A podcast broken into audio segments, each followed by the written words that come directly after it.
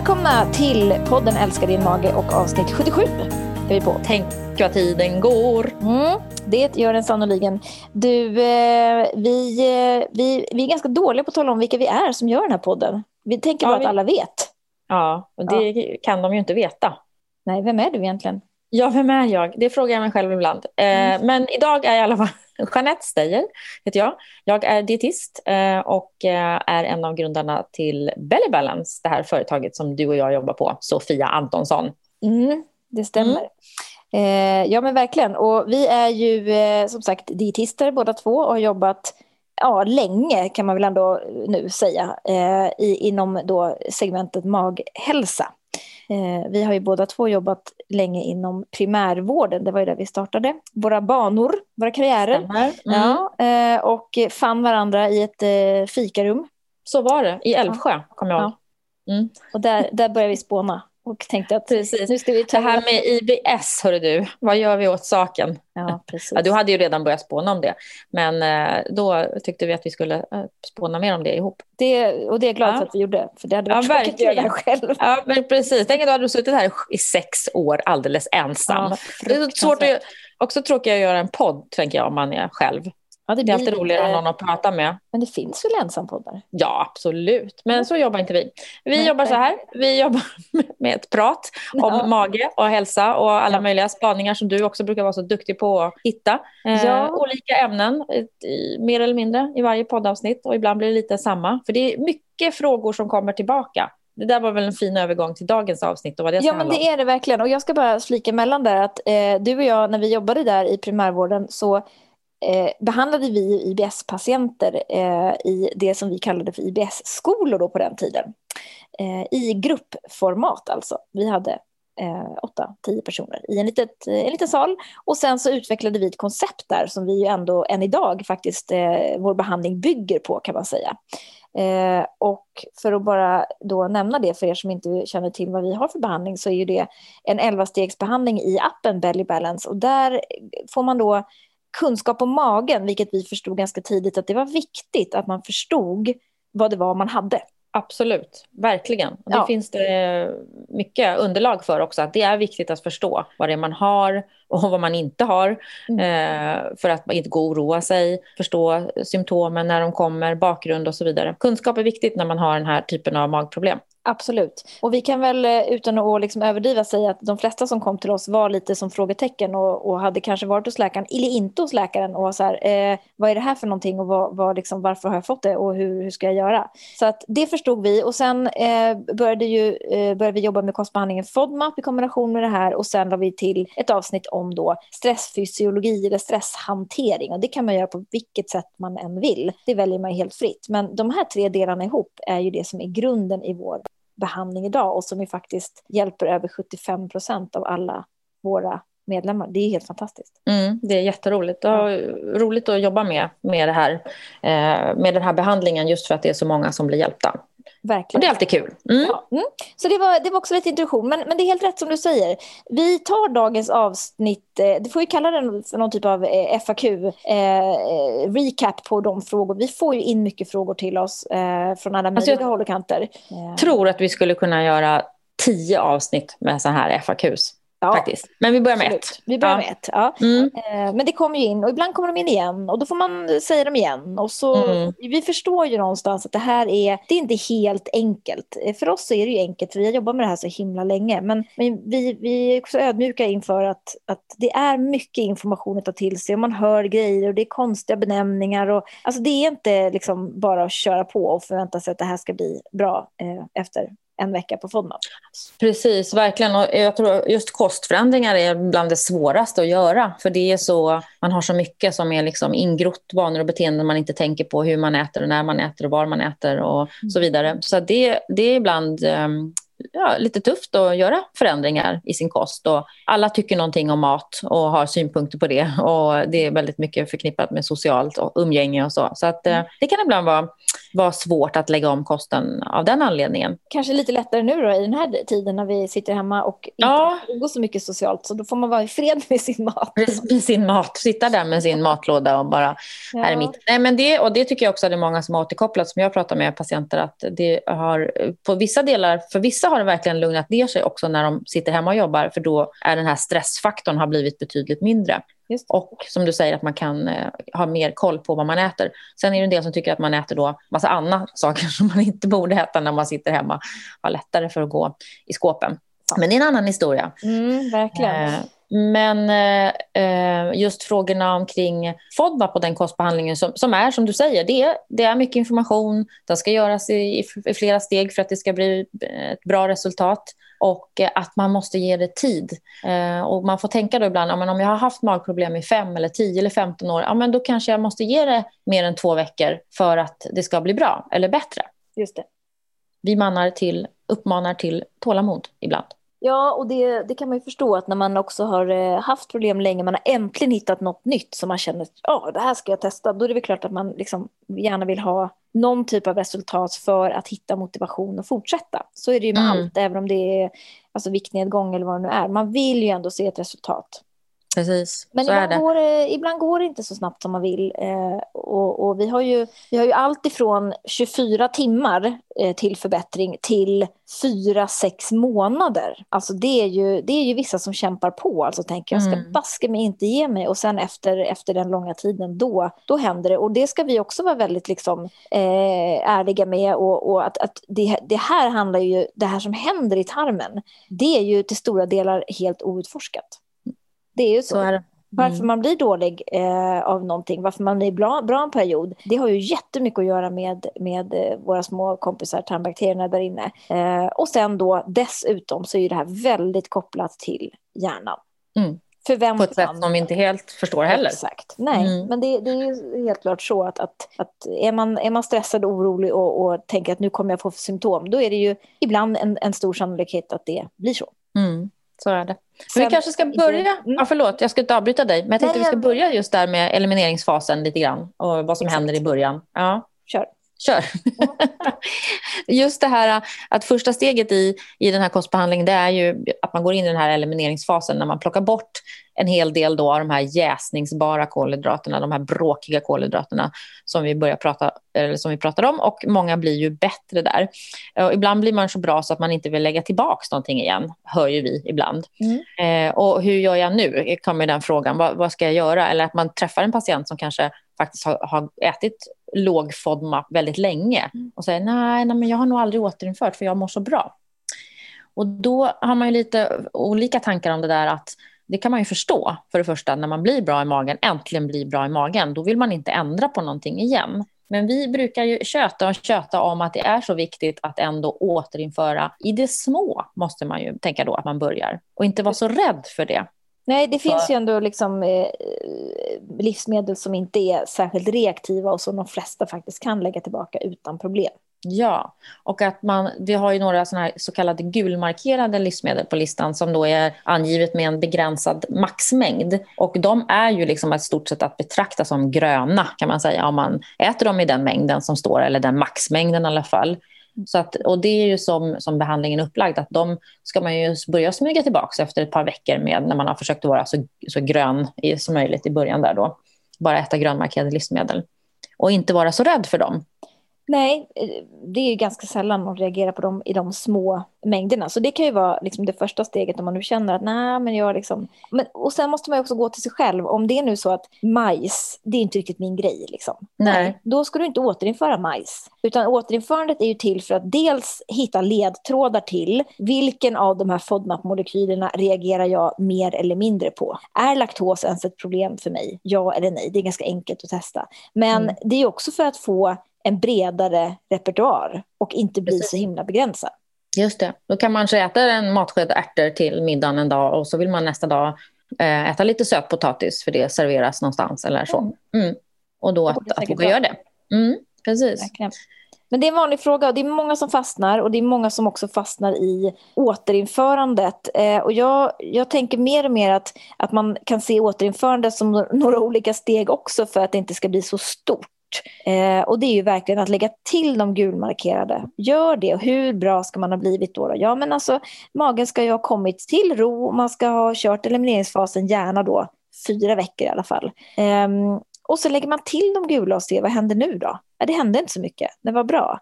Eh, mm. och därefter går man på laktos och fruktos som är enkla och snabbtesta. Just det. Ett glas apelsinjuice, ett glas vanlig mjölk. Händer något i magen? Ja eller nej? Ja, då tar man det en dag och väntar typ ett dygn och ser om man får någon reaktion. Exakt. Oftast kan det komma lite snabbare när det gäller laktos eller fruktos. Men en del tycker jag också pratar om att ja, det kom faktiskt först på, på natten eller på kvällen eller dagen efter. Mm. Eh, när de har testat faktiskt strukturerat flera gånger med laktos till exempel. Så kan mm. det absolut vara eh, eftersom det inte är någon laktosintolerans vi pratar om egentligen utan det är mer en känslighet för den, för den molekylen nere i, i tjocktarmen. Mm.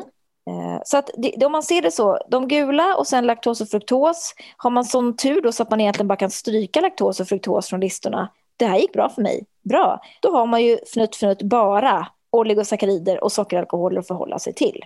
Mm. Eh, fnutt fnutt, betyder det in, inom situationstecken alltså? Exakt. Eller? Ja, det, var, det, det försökte ju. Jag gjorde det också, tecknet. För ja, du, ja, du gjorde det i luften. Ja. jo, men alltså, och där, de kategorierna brukar jag ju säga då, om man bara ska generalisera grovt, så säger jag att, att eh, avokado som ju inte ens är röd längre, den är ju numera gul, så den har man förhoppningsvis lagt till i alla fall. Eh, den är oftast lättare än blomkål, sockerärtor och svamp. De är ju mm. oftast liksom svåra och, och försöka återinföra i någon större mängd. Men däremot kan man ju testa, kan jag äta lite blomkål? Ja, det verkar ändå funka. Men det kanske inte funkar att äta blomkål, svamp och, och, och sockerärtor på samma dag. Exakt så. Och det är så man får tänka hela tiden. Hinken, att ta tillbaka den där tanken då om hinken. Jag har tömt hinken så gott det går, men nu ska jag se vad jag kan lägga tillbaka i min hink. Och jag kan säga, jag kan ibland tänka att återinförandet kan ju fungera liksom på ja, som vi pratar om på flera olika sätt. Men när man väl har fått den här kunskapen om FODMAP, man förstår vad det är som kan vara bråkigt, man har fått en kunskap om hur man själv fungerar, förhoppningsvis lite bättre, eh, vad som påverkar ens mage, då är ju det en kunskap som man bär med sig hela tiden. Och råkar man bli serverad eh, någonting en, en dag och, och råkar äta det eller bestämmer sig för att äta det och sen kan utvärdera, fick jag någon reaktion eller inte? Det är också ett slags återinförande. Absolut. Att våga prova. Mm det som vi beskriver i behandlingen ska man kanske mer kalla det som en, som en, som de brukar säga på engelska, en challenge eller en utmaning. Det här med att man under tre dagar äter ett livsmedel, ett rött livsmedel i ökad mängd Just. för att få en indikation på den här gruppen. Hur reagerar min mage på, på polygosackarider till exempel? Mm. Men jag tänker att det finns olika sätt att göra det på och med kunskapen man har, om man har satt sig in i FODMAP, så kan det liksom inte bli helt fel. Nej, det kan ju inte det. Och sen gäller det ju som sagt framöver också, när man ska liksom se lite mer långsiktigt, så måste man ju ändå förstå hinkmetaforen mm. och liksom, vad har jag för utrymme att spela på? Vad vill jag göra med det här utrymmet? Vad lägger jag liksom det på? Det är ju så. Det är ingen som mm. IBS som kan återinföra lök och vitlök till exempel. Det har jag aldrig varit med om i alla fall. Eh, inte några stora mängder. Och då, då blir ju målet bara att försöka förstå hur mycket lök eller vitlök till exempel får plats i min hink. Exakt, jättebra. Mm. Så att det är liksom, eh, man får prioritera. Jag vill ha råknäcke till, till frukost. Det känns viktigt för mig. Bra, då vet vi att den ligger i hinken. Vad kan du äta resten av dagen då? Ja, det är ju att testa sig fram. Mm precis. Så är det. Det är inte enkelt, säger du. Det är, inte, nej, men och det är också det här med att man då får tänka att det, det tar lite tid, men det kommer att, att, att ge mig resultat och ge mig en, liksom en kost som är mycket bredare perspektiv på än om jag bara håller mig smalt till, till låg FODMAP. Det gör livet ju rätt jobbigt ibland och besvärligt. I alla fall. Och sen att den här uh, tanken om att vi ska föda våra tarmbakterier med bra saker, med prebiotika, sån föda som de gillar. Och då är det också en anledning till att försöka bredda sig så mycket som möjligt i sitt urval. Verkligen. Av framförallt grönsaker och rotfrukter och eh, fullkornsprodukter om det går. Mm, korrekt. Korrekt. Du, eh, ska vi hoppa vidare till den här frågan om barn eh, och magont och IBS och orolig mage och allt vad man nu kan ja, klumpa ihop eh, de här symptomen som. Vi får ju mycket frågor från både eh, eller från föräldrar och framförallt med både barn och ungdomar. Där det helt enkelt ofta då får vi kommunicera till oss att man kanske har kört fast lite grann inom eh, inom vården. Man har varit runt på massa olika ställen. Ingen har liksom kommit fram till någonting egentligen. Eh, nej, vi hittar inga fel. Okej, jag har fortfarande ett barn som mår, som mår dåligt. Eh, och så gör man utredning på utredning, men ingenting visar något. Och så hamnar man liksom bara i, lite, ingen, i ingenmansland. Mm. Och det är ju fruktansvärt tråkigt om man har ett barn med den typen av problem som inte mår bra. Det vet vi ju som föräldrar. Det, det gör oss ju oroliga och ledsna och upprörda. Eh, och det kan man också förstå då frustrationen just om man kommer till undersökningar om man liksom inte hittar någonting. Men vet ju att våra vuxna patienter också blir frustrerade ibland eh, när man inte hittar någonting. Eh, utan man får en, en, bara den här, ja vi hittade inget så att eh, då är det nog ingen fara. Liksom. Exakt. Och då förstår man ju som förälder till ett barn som har den här typen av problem att man kan bli extra orolig såklart. Verkligen. Eh, och det är ju, det är ju ehm, det är lätt att man börjar göra själv, testa och eh, liksom ta bort olika saker ur kosten. Jag provar med gluten, jag provar med det här och det här. Eh, det brukar ju inte heller bli särskilt bra, eh, kan man väl säga. Så att sammantaget så är det ju så att, att barn, om man ska börja liksom lite från början, barn kan ju ha olika symptom från magen på grund av olika saker. Det behöver Just. ju faktiskt inte vara något något eh, liksom fel med, med kosten. Det kan vara så att man har, eh, har en känslig mage från start. Man kanske har ätit antibiotika när man varit mindre. Det kanske har gjort att, att systemet har börjat liksom komma i obalans. Det kan också vara så att man är en, en känslig person. Mm. Eh, en, en grubblande person. Eh, den typen av personlighet brukar ju oftare få lite känsligare mage. Mm. Eh, jag hör ibland om föräldrar som säger ja men liksom, det var ju nationella prov. Det var ju där det kraschade totalt. Just det. Mm. Och då är det väldigt tydligt att det är en, en stressutlöst. Eller att varje gång det är prov, varje gång det ska presteras på idrotten, då, då, då pajar magen ur. Och då är mm. det ju helt klart kopplat till en, en oro, stress, ångest, problematik. Just det. Mm. Och man tänker också att en del barn, eh, om man inte man kan säga att man har ont i magen, fast det kanske handlar om andra saker som du är inne på då, att man får vara lyhörd som förälder för det också. Att hur är trivseln i skolan och kamrater och mm. så vidare. Och ibland så kan man också fundera på det här som man pratar om ibland, hur många aktiviteter och saker ska barn gå till och liksom att, att man inte, barnen blir utsatt för för mycket stress och press eh, genom att det ska ske så otroligt mycket i våra liv ibland och i våra barns liv. Ja, det, och det är en intryck från sociala medier och eh, allt vad som händer där. Så otroligt mycket mer intryck som våra barn får, tänker jag, än vad man fick förr i tiden. Verkligen. Eh, så är det. Med det sagt då så är det ju eh, eh så att när vi behandlar barn med, med IBS eh, då då, då sätter vi antingen in FODMAP eller så tittar man över om det finns andra faktorer i kosten som man liksom kan, kan göra utan att göra en full FODMAP. Man kanske går in på med en, med en probiotika eller vad, vad det nu kan vara om det är till exempel bara ett symptom, att det bara är magont eller bara förstoppning eller vad det kan vara. Eh, men annars tycker jag att det går ganska bra att köra FODMAP. Eh, då kan man ju som förälder göra det man, det man kan hemma. Och sen Precis får man prata med skolan. Vissa skolor är helt fantastiska och, och ställer upp och, och, fixar och donar. Andra har inte den möjligheten och då, då kan man inte ta, ta hänsyn till, till den typen av specialkost. Då får man göra så gott man kan. Precis, och det, det som du säger nu, det tycker jag också är viktigt att lyfta med FODMAP. Eh, att man, man gör så gott man kan. Eh, och det gäller också, att också oss vuxna. Mm. Att det handlar inte om gram och millimeter när det gäller FODMAP, utan det handlar faktiskt om att göra så gott man kan och att en, en mindre insats kan också eh, få en stor verkan. Att man, som du säger, man kanske inte klarar av att äta FODMAP hela dagen, men, men genom att frukosten och middagen till exempel är och på helgerna är FODMAP-anpassade för ett barn kan ju göra en stor skillnad då i att symptomen blir mindre, för det blir mindre fyllt i den där hinken. Exakt, och då får man en, en, en, en symptomförbättring över, liksom, överlag som kanske mm. är just där och då tillräcklig för att barnet till exempel ska kunna gå, gå till skolan. Mm. Eh, så är det ju också. Det är, det är, jag tycker framförallt också har jag hört många nu i den här perioden där vi är eh, i att eh, det är många kvinnor och barn som av eh, covid-19 har fått kvarstående magproblem. Just det. Mm. Jag har mm. träffat ett antal sådana eh, som alltså har varit jättedåliga i magen. Eh, kopplat till, alltså de var också dåliga i magen när de fick covid-19.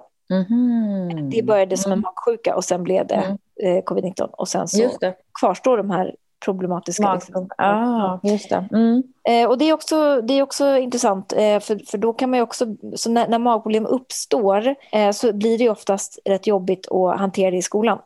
Eh, då måste man ju börja planera toalettbesök och det kan ju skapa jättemycket stress och oro och ångest och göra att man faktiskt inte vill gå till, till skolan längre. Och, precis, och det där kan man ju också prata med sina barn om. Hur, hur går man på toaletten? Liksom, går de på toaletten? För det vet vi också att många barn undviker att gå på toaletten på skolan och tycker att det är pinsamt och så vidare. Men det kan man ju, vi som föräldrar försöka bidra att lyfta. Det är inte pinsamt att gå på toaletten. Alla behöver gå på toaletten. Mm. Och speciellt om man har en känslig mage så är det viktigt att gå på signal till exempel, som vi brukar prata om. Verkligen. verkligen. Mm. Men har man då en liten akut signal och ser upptaget på toaletten. Ja, det är jobbigt. Den är ju liksom, då, blir, då får man nästan göra så här, vara lite snäll mot sig själv och utarbeta någon typ av plan B där. Mm. Att jag har ett antal toaletter som jag vet att jag kan gå till. Om, det inte, mm. om den är upptagen eller låst eller vad det nu är så kan jag gå hit eller dit eller dit. Mm. Sådana saker, det är så säkerhetsbeteenden men, men i, i de tillfällena så är de helt relevanta tycker jag. Mm. Att man hjälper också sitt barn. Att, vad kan du göra för att liksom undvika det här? Ja. Uh, att försöka andas djupt eller vad som helst. Så att inte liksom alarmsystemet går igång i hela kroppen. Vi är sponsrade av Husk, ett preparat som innehåller fusilliumfröskal. En väldigt fin liten eh, eh, fiber för magen. Snäll är den. Eh, köper man den så ska man köpa den gröna varianten eller den med grön etikett för att få rätt produkt till en känslig mage. Prova den i eh, lös form, att strö i gröten på yoghurten eller lösa upp i ett glas vatten eller även i kapselform fungerar också alldeles utmärkt. Till exempel om man ska på resa kan ju kapslarna vara väldigt bra att ta med. Prova Husk! Vi är också sponsrade av Alflorex, ett probiotiskt kosttillskott med bifidobakterium longum 35624 som eh, ehm, den bakteriestam som finns i det här preparatet. Och det här är ett tillskott som rekommenderas av WGO, World Gastroenterology Organization, eh, och eh, det preparat som har en bevisad effekt vid samtliga IBS-symptom. Och vi vet ju att personer med IBS har mindre bifidobakterier från start, så därför har vi nu mer och mer också börjat använda eh, Alflorex i vår behandling. Så att man kan lägga till det eh, egentligen från start om man känner att det är, eh, om man har behov av det och man tycker att man har de, de symptomen. Eh, för då minskar man också den påverkan som FODMAP-behandlingen har på just bifidobakterier. För de tenderar ju att minska lite granna under den första delen med elimineringsfasen. Bifidobakterier är ju superduktiga på att producera smörsyra också i tarmen och det vill vi gärna ha mycket av. Ta den med mat, gärna lite yoghurt på morgonen. Prova minst fyra, eh, gärna åtta veckor innan du utvärderar. Så prova Alforex. En annan eh, frågeställning tycker jag som jag får lite då och då när man pratar om den här behandlingen och då är det när, när jag ska starta, att man liksom börjar planera när man vill börja med FODMAP. Och så ser man kanske att ja, men om fyra veckor eller om sex veckor då ska jag resa eller då är det jul eller ja, ska jag vänta tills efter det. Eh, men då brukar jag säga, och det är lite inne på det som vi diskuterade förut, när man börjar med det här och får den här kunskapen omkring hur magen fungerar, hur FODMAP fungerar, det blir ju det ett verktyg som man har med sig hela tiden. Eh, så varför vänta med att få den kunskapen eh, och få det verktyget med sig? För att även om man då drar igång en elimineringsfas och så blir det knas i några dagar för att man reser bort, då kommer man ändå ju att, tror jag, säkert ta val som är bättre under de här dagarna när man är bortrest än om man inte hade den här kunskapen med sig, det här verktyget med sig. Mm. Eh, och det förstör liksom inte en en behandling eller en elimineringsfas om det går knas i tre dagar. Man kanske får symptom. Ja, man får man ju när man kommer hem då, backa tillbaka till grönt och, och fortsätta någon vecka eller några veckor till innan man börjar återföra. Men, men det är liksom aldrig något som är till spillo. Eh, och det här är ju liksom beslut man tar också vidare fram. Eh, en del tänker ju, ja men ikväll vill jag äta det där som jag vet att jag kommer få symptom, men det är ju ett medvetet val, ett medvetet beslut. Och då känns det oftast lättare att hantera de här symptomen som eventuellt kommer.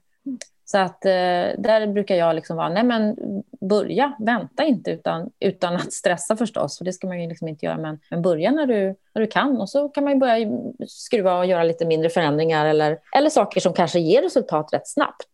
Ja, ofta hittar man kanske någonting i kosten som man direkt säger, oj, den där var inte så bra, den här kan jag enkelt ja. byta ut till den här istället. Ja. Ja. Och då är ju det en hjälp. Jag tycker också många, och nu har det kanske inte heller varit så aktuellt i senare tid, men, men tidigare år så är det många som, som har funderingar kring semestern. Hur mm. ska jag förhålla mig till FODMAP på semestern? Ska jag skita i det och bara, mm. nu äter jag allt?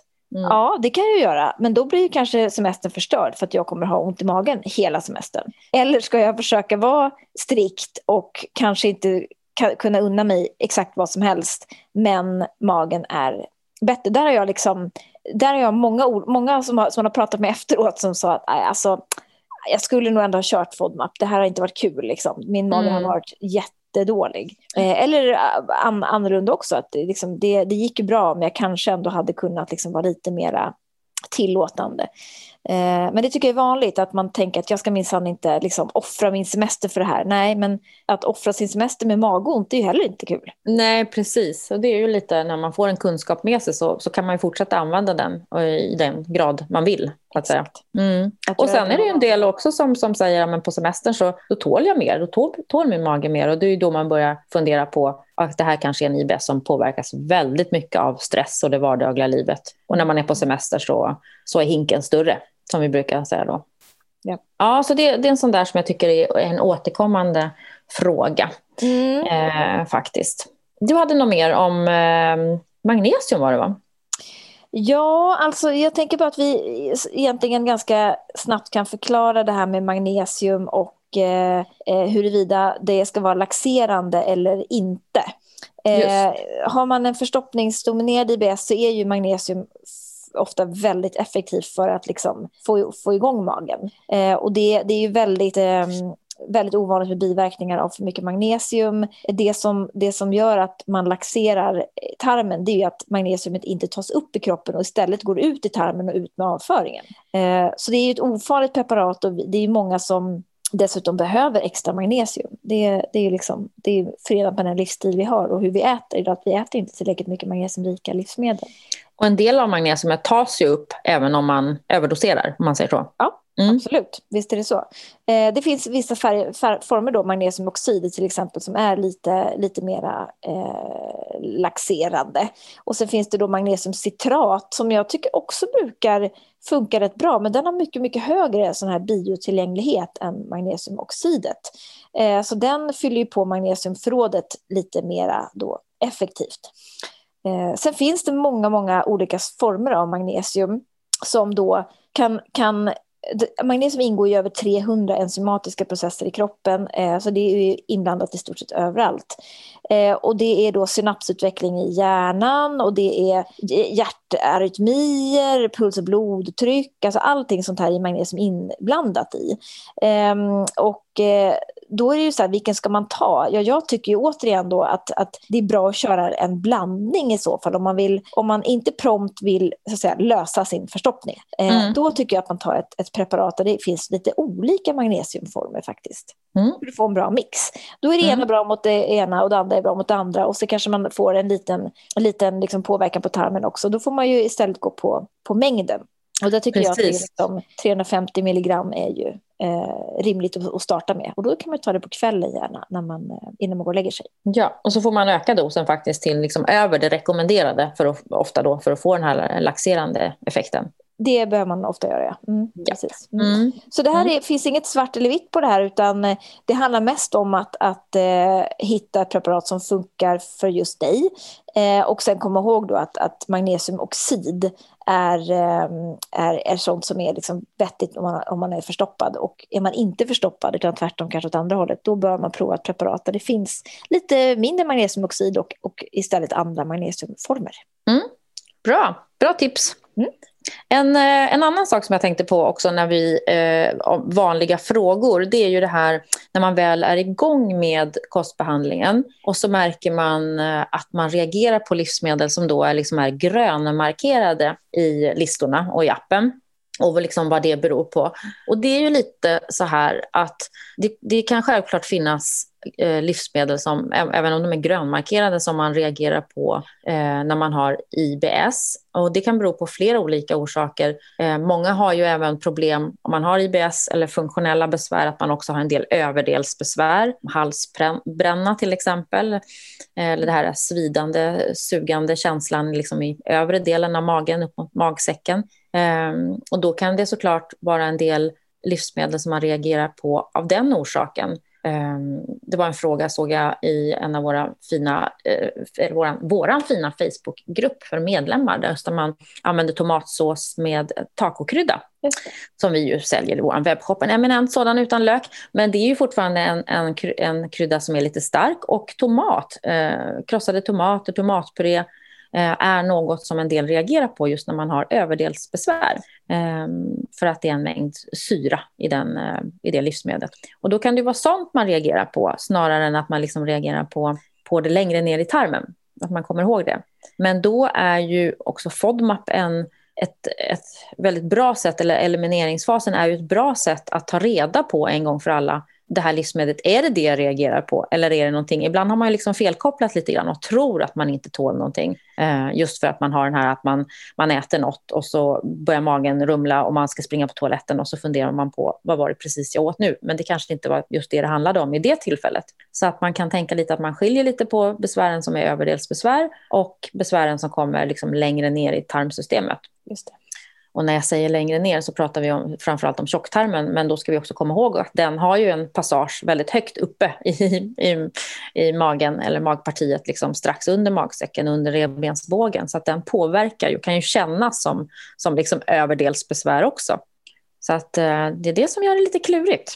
Det, så är det verkligen. Och, mm. och, det är ju det är också lätt, vissa livsmedel är ju eh, kanske mera eh, olika från person till person. Alltså, och det kan handla om tillagningstekniker. Och om det, vi har ju eh, till exempel broccoli som är en, en, liksom en, en färsk broccoli och en fryst broccoli. Det är en ganska stor skillnad på. Um, ibland är ju broccoli förvälld till exempel innan den är infryst och den blir mycket snällare. Och sen är det mycket mer bukett på en fryst broccoli än en färsk till exempel. Just det, och eh, buketten är lite snällare. Mm. Eller blombuketten liksom. Ja. ja. Mm. Så att det är, ju, det är ju, även om det är grönt så är det ju inte så fritt fram att äta 500 gram broccoli. Nej, det brukar bli lite problematiskt även för undertecknad. Exakt. Mm. Så att det handlar ju ändå om att, att begränsa sig till liksom normal portionsstorlek. Då. Eh, även om det är grönmarkerat så, så är det ju fortfarande liksom en, en vanlig portion som gäller. Exakt. Och där, där tänker jag just, alltså broccoli är ju en sån där som kommer upp lite grann. Sen är det ju andra livsmedel som man sällan hör om att någon säger att ja, men jag tål inte rotselleri eller jag tål inte morot. Eh, utan broccoli kan ju vara en sån där liten bubblare kan man säga. Mm. Eh, som en del märker av. Verkligen, verkligen. Så är det ju.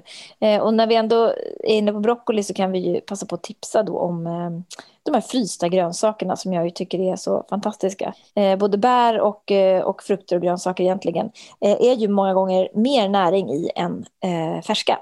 Eh, och framförallt nu när det inte är säsong, sådär, liksom, allting i alla fall, så är det väl utmärkt att använda sig då av frysta varianter som inte har transporterats jättelångt utan är svenska, kanske till och med ekologiska och jättefint näringsvärde. Precis, och det har kommit så mycket i frysdisken. Eh, det går ju att få så mycket fina grönsaker i frysdisken numera. Numera gör det det. Eh, så stoppa frysen full med eh, bär och grönsaker och, och njut av dem även liksom, de delar av året som det inte är säsong. Sen finns det begränsningar här också naturligtvis, men det är en jättebra del tycker jag rent också näringsmässigt i en låg FODMAP-kost. Du har så rätt. Mm. Jag instämmer till fullo. Bra. Vad har vi mer den här eh, dagen? Det börjar liksom eh, eh, ta lite slut här va? med frågorna som vi hade bestämt eh, oss för att prata om idag. Precis, om inte annat så börjar tiden ta slut. Det är nog mer det. Frågorna skulle vi nog kunna ha hur många som helst. Vi får återkomma med sådana här lite FAQs-avsnitt tycker jag. Eh, jag tror det kan vara bra och intressant. Verkligen. Eh, och ni får jättegärna fortsätta skicka in frågor till oss. Kontakt bellybalance.se kan man mejla och om man vill ha lite puffa för ett ämne som man vill att vi tar upp eller om man har någon liksom allmän fråga sådär. Vi rekommenderar er att gå in på hemsidan bellybalance.se och läsa mer där ehm, och ladda ner appen framförallt Bellybalance och där kan ni prova de första fyra stegen helt gratis. Kan ni lyssna på mig och Jeanette när vi sitter där och pratar om tarmen och IBS och medvetet ätande och så vidare. Det är inte Precis, där, är vi, där, pladdrar, där pladdrar vi inte så mycket utan där är vi väldigt eh, fokuserade och så, tycker jag. Väldigt medicinska. I, det här, I podden där är vi lite mer av oss själva. Eh, kanske man kan säga. Vi eh, tackar också Magotarmförbundet eh, som är ständig sponsor av den här podden. Magotarm.se kan man gå in på om man vill läsa mer där. Och med dessa ord så säger vi tack för idag. Tack för att ni lyssnade och eh, kom ihåg att eh, ladda ner vår app om ni inte redan gjort det. Prova de första stegen gratis. Appen heter Belly Balance. Ta hand om er själva och magen och så säger vi på återhörande. Ha det bra! Hej hej!